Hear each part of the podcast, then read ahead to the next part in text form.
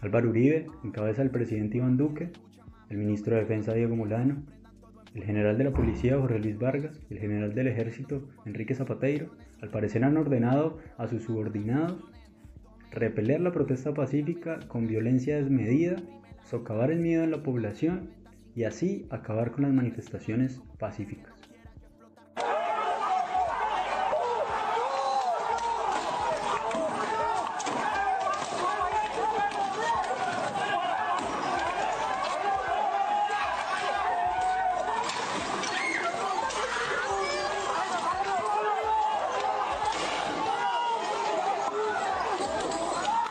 Desde Casa Poragui y como colombiano deseamos extenderles una invitación a la denuncia por el genocidio que las fuerzas militares están cometiendo en mi país.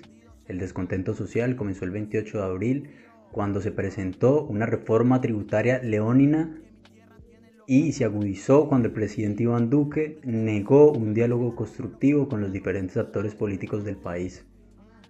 Según la ONG Temblores, se han presentado más de 1.400 casos de violencia policial, entre los cuales hay 31 asesinatos, 216 casos de violencia física, 814 detenciones arbitrarias, 10 casos de violencia sexual y de género, entre otras agresiones.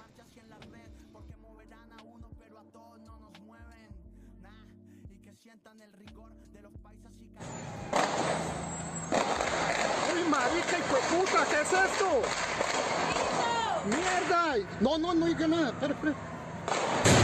¡Ay, puta!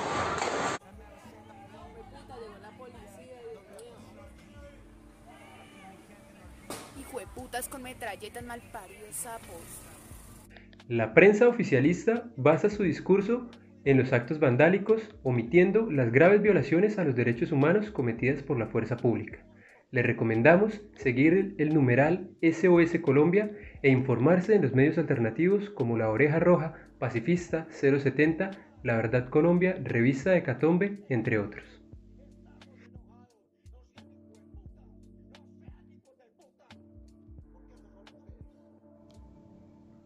Estamos pendientes de un plantón que se realizaría el domingo 9 de mayo en el Centro de Salud de Beniopa en Gandía, en solidaridad con la situación y solicitud de paz para el pueblo colombiano.